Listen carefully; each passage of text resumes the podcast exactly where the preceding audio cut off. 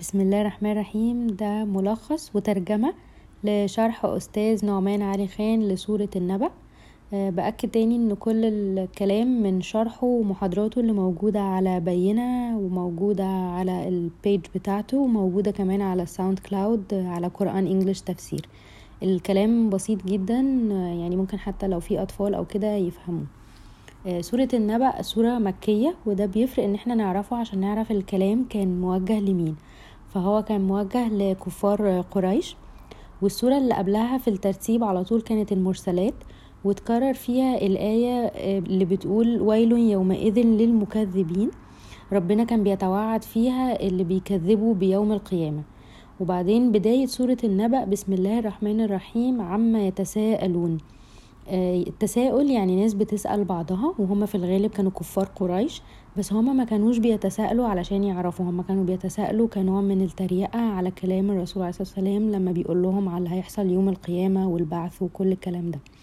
فهو نوع من التكذيب اللي ربنا كان بيتكلم عليه في سورة المرسلات. ربنا بيقول لهم يعني كأن بما معناه اللي هو هو بجد ده اللي بيتساءلوا وبيتريقوا عليه بدل ما يعملوا حسابه. عن النبأ العظيم. النبأ خبر بس مش خبر عادي. هو خبر كبير زي ما نقول مثلا في حرب هتحصل. وبيكون كمان ليه فايدة وبيكون حاجة محتاجة استعداد. زي مثلا في حريقة بتحصل فإحنا لازم نستعد لها قبلها. وبيكون لحاجة حقيقية وملموسة مش مجرد توقعات أو تخيلات يعني. الذي هم فيه مختلفون. ناخد بالنا إن مختلفون جاية في شكل اسم مش فعل يعني مش مرتبطة بزمن معين يعني على طول هما في اختلاف. والاختلاف ده كان بينهم وبين بعض كل واحد عمال بيفتي وكمان الشخص نفسه كان مختلف مع نفسه كل شوية بكلمة كل شوية برأي على الكلام اللي بيسمعه من الرسول عليه الصلاة والسلام وعلى يوم القيامة. كلا سيعلمون ثم كلا سيعلمون. كلا أغلب العلماء النحو بيقولوا إن هي معناها يعني اللي هو لأ بجد هيعرفوا يعني حقا سيعلمون والسين بتت... بتتحط لما بتكون حاجة قريبة يعني هيعرفوا قريب.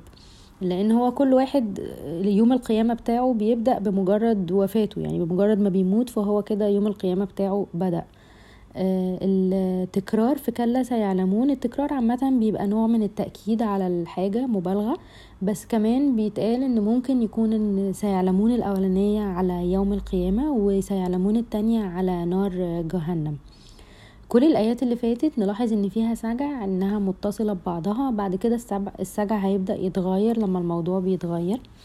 ألم نجعل الأرض مهادة؟ مهادة جاية من مهد الطفل أو السرير يعني مكان مرتاحين فيه. فكأن ربنا بيقول لهم أنتوا مستغربين من حاجات هتحصل يوم القيامة وربنا يعني ممهد لكم الأرض وعامل كل الآيات اللي هيبدأ يتكلم عليها. والجبال أوتادا وتد هو الحاجة اللي بتثبت الخيمة. لما كان بيتقال على فرعون ذو الأوتاد لأن كان عنده جنود كتير ولما بيخيموا كانوا بيثبتوا الخيم بالوتد فكان بيبقى كمية خيم ووتد كتير قوي. والعرب بيقولوا على الخيمة وتد لأن هو الجزء الأساسي في الخيمة. وخلقناكم أزواجا ربنا اللي خلق الذكر والأنثى وجعلنا نومكم سباتا. نوم يعني معناها نوم عميق. آه الآية اللي بتقول لا تأخذه سنة ولا نوم. سنة يعني النوم اللي في أوله اللي هو لسه خفيف. لكن أول ما بيبقى النوم عميق بيتقال عليه نوم. سباتة جاية من ثبتة يعني حاجة اتفصلت أو اتقطعت يعني كأن النوم ده حاجة بتفصلك كده. أولا هو الجسم بيبقى منفصل فيها عن الروح وكمان أنت بتبقى فاصل خالص زي ما بنقول عن الشغل وعن الحياة وعن كل حاجة. وجعلنا الليل لباسا لباس يعني حاجة زي اللباس أو اللبس بتغطي والليل بيبقى متغطي فبتحصل فيه حاجات كتير وجرايم وفي نفس الوقت كمان الليل بيبقى مغطي الدنيا كلها.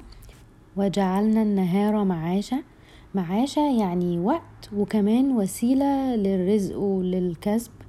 وبنينا فوقكم سبعا شدادا اللي هي السماوات السبعة. وجعلنا سراجا وهاجا سراجة عامة بتتقال على أي حاجة بتنور بس في القرآن الكريم بيبقى مقصود بيها الشمس. وهاجة اللي هو حاجة يعني جاية من الوهج حاجة مضيئة وملتهبة جامد قوي زي النار. ولو نلاحظ في كل الآيات ربنا بيكلمهم يعني كل ده اتعمل ليكوا وانتوا ملكوش أي سيطرة عليه. وقارنوا ده باللي أنتوا بتعملوه قارنوا مثلا الأنوار اللي أنتوا بتصنعوها كلها بالشمس. وأنزلنا من المعصرات ماء ثجاجة معصرات جاية من العصر زي ما بنعصر اللبس كده مثلا وده بيتقال علشان ممكن إن الرياح تكون بتعصر السحاب فبينزل المطر أو إن السحاب بيبقى مليان قوي قوي بالمية فبيبدأ إن هو ينزل المطرة وثجاجة جاية من ثج كمية كبيرة قوي من المية بتنزل لنخرج به حبا ونباتا آه، المية دي علشان تطلع الحب اللي هو كل أنواع المحاصيل والحبوب. والنبات زي الأعشاب وجنات ألفافة يعني جناين ألفافة جاية من لفيف اللي هي ممكن الشجر والنباتات لما بتبقى داخلة في بعضها وملتفة حوالين بعضها. ترجع الآيات تاني على الكلام على قصة الإنكار ويوم البعث إن يوم الفصل كان ميقاتا. اتسمى يوم القيامة بيوم الفصل لأن ربنا بيفصل ما بين حاجات كتير زي الحق والباطل زي فصل الأم عن ابنها. ميقاتا يعني ليه وقت متحدد. يوم ينفخ في الصور فتأتون أفواجا الصور زي الآلة بتاعة البوق أو القرن بتاع الحيوان اللي هو زي الترامبت. آه، في الأول ربنا كان بيتكلم عليهم مش بيوجه لهم الكلام فعما يتساءلون دلوقتي ربنا بيوجه لهم الكلام. ده بيعمل نوع من المفاجأة كده. تأتون يعني معناها هتيجوا بس كمان هتيجوا خاضعين مسلمين نفسكم. وأفواجا يعني جماعات. وفتحت السماء فكانت أبوابا. نفس السماء اللي ربنا كان بيتكلم إنها مبنية بنيان قوي وجديد هتبدأ تتفتح. هتتفتح من فين؟ من أسهل حتة بيتفتح فيها أي مبنى اللي هي الأبواب. وسيرت الجبال فكانت سرابة. والجبال اللي كانت متثبتة هتسير. السير أو سيرت ده اللي هو المشي اللي بالراحة زي الكورة كده ما بتتدحرج وهتبان زي السراب كل الشرح بتاع يوم القيامة كأنه على كلا سيعلمون الأولى كلا سيعلمون التانية اللي هتيجي دلوقتي على الكلام على النار. إن جهنم كانت مرصادة. مرصادة يعني زي الكمين اللي بيصطاد. بيصطاد مين؟ للطاغين مآبة. وهنا ربنا ذكر الطاغين الطغيان ده بيبقى من جوه اللي هو زي الكبر اللي من جوه وهو ده سبب الكفر اللي بيبان من بره. مآبة يعني كل ما يحاولوا يهربوا يرجعوا تاني ليها مفيش مهرب. لابثين فيها أحقابا لابثين يعني قاعدين فترة طويلة جدا وأحقابة جمع حقب اللي هي فترة زمنية 80 سنة وكل يوم ألف سنة. في رأي بيقول إن معنى كده إن هي فترة وهتخلص بس في رأي تاني إن لأ هي اللي بيتقال هنا احقابة يعني كل ما هيخلص الفترة هترجع تاني تتعاد من الأول. وفي مفسرين بيقولوا إن ده نوع من التعذيب المعنوي عشان يتعشموا إن هي هتخلص يلاقوها بترجع تاني تبدأ من الأول. لا يذوقون فيها بردا ولا شرابا. البرد والشراب مش هيدوقوه ودي حاجة يحسها قوي الناس اللي هم معيشتهم كانت في الصحراء في مكة إلا حميما وغساقة. حميما اللي هو الماء المغلي يعني كأن بدل البرد هيبقى فيه ماء مغلي وغساقة اللي هو الصديد الدم الملوث اللي بنقول عليه بس آه وده اللي هيشربوه بدل الشراب. وممكن حد يحس إن دي حاجة يعني قاسية قوي طب ليه كده كل ده؟ فبتيجي الآية اللي بعدها جزاء وفاقة. يعني هو ده الجزاء بالظبط اللي يستحقوه وفاقا يعني هو ده الجزاء اللي بيوافق العمل بتاعهم اللي هو بالظبط يستاهلوا برضو ليه كده؟ إنهم كانوا لا يرجون حسابا. يعني لا يرجون يعني حتى ما كانش عندهم إحساس الرجاء إن هما ممكن يتحاسبوا وإن هما مش عايزين ده يحصل. يعني سمعوا عنه بس بيقولوا بينهم وبين نفسهم لا ده أكيد مش هيحصل. من إحساسهم من جوه من بره بقى عملوا إيه؟ وكذبوا بآياتنا كذابة. بدأوا يكذبوا آيات ربنا اللي هي نوعين آيات في الكون كونية وآيات قرآنية. والكذاب هو أسوأ أنواع التكذيب. اللي مش بس فيه مجادلة وتكذيب لكن فيه كمان سخرية وتريقة فيه. وكل شيء أحصيناه كتابة يعني كل حاجة محسوبة وكمان متسجلة ومحفوظة في الكتاب. فذوقوا فلن نزيدكم إلا عذابا. المفسرين بيقولوا على الآية دي إنها من أشد آيات التعذيب والعذاب للكفار إن هم كل ما هيستغيثوا من العذاب هيجي لهم اللي أشد منه. وهنا في التفات إن ربنا بدأ يكلمهم بيوجه لهم الكلام كنوع من المفاجأة برضو. يجي الكلام بعد كده على المتقين. إن للمتقين مفازة. والتقوى اللي هو إيه اللي بتعمله وبتاخد حذرك منه نتيجة خوفك لربنا. ومفازة هو النجاح وكمان مكان ووقت النجاح. حدائق وأعناب حديقة اللي هي الجنينة اللي ليها سور حواليها ففيها نوع من الخصوصية وكمان حواليها منظر جميل زي الحدق بتاع العين كده ما هو حواليه منظر ولون حلو. وأعناب وكواعب أترابة كاعب اللي هي الست الجميلة الصغيرة وأترابا إن سنهم قريب من بعض أو زي بعض. وكأسا دهاقة. كأس في العربي زمان معناها إن هو مليان. ودهاقة يعني مليان على الآخر بيطرطش كده زي في الحفلات. لا يسمعون فيها لغوا ولا كذابة. اللغو اللي هو الكلام اللي ملوش فايدة الهري يعني.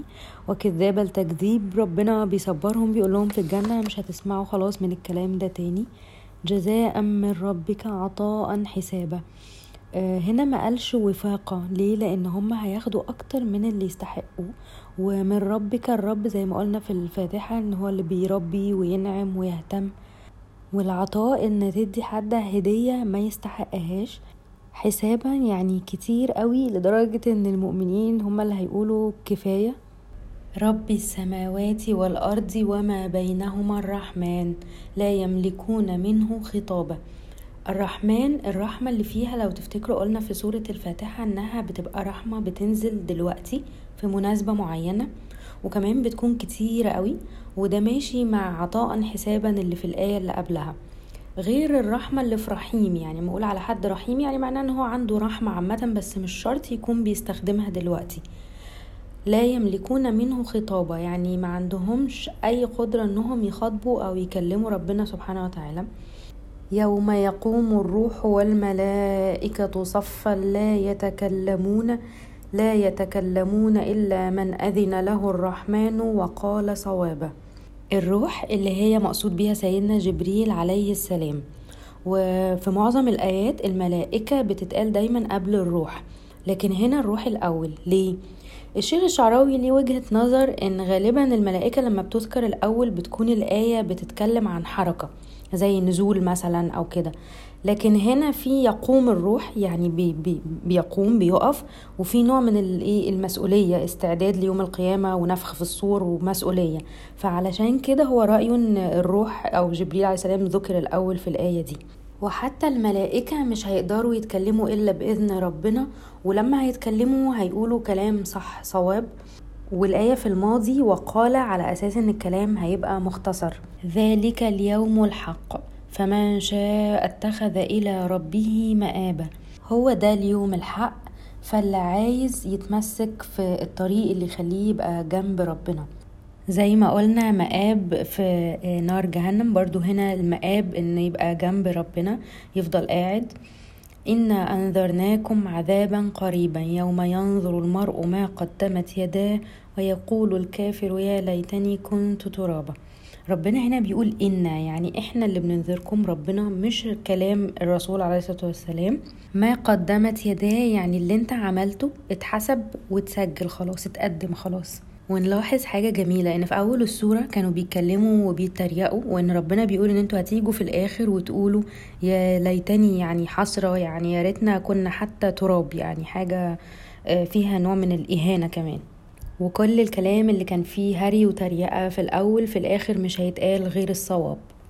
سبحانك اللهم وبحمدك لا إله إلا أنت أستغفرك وأتوب إليك.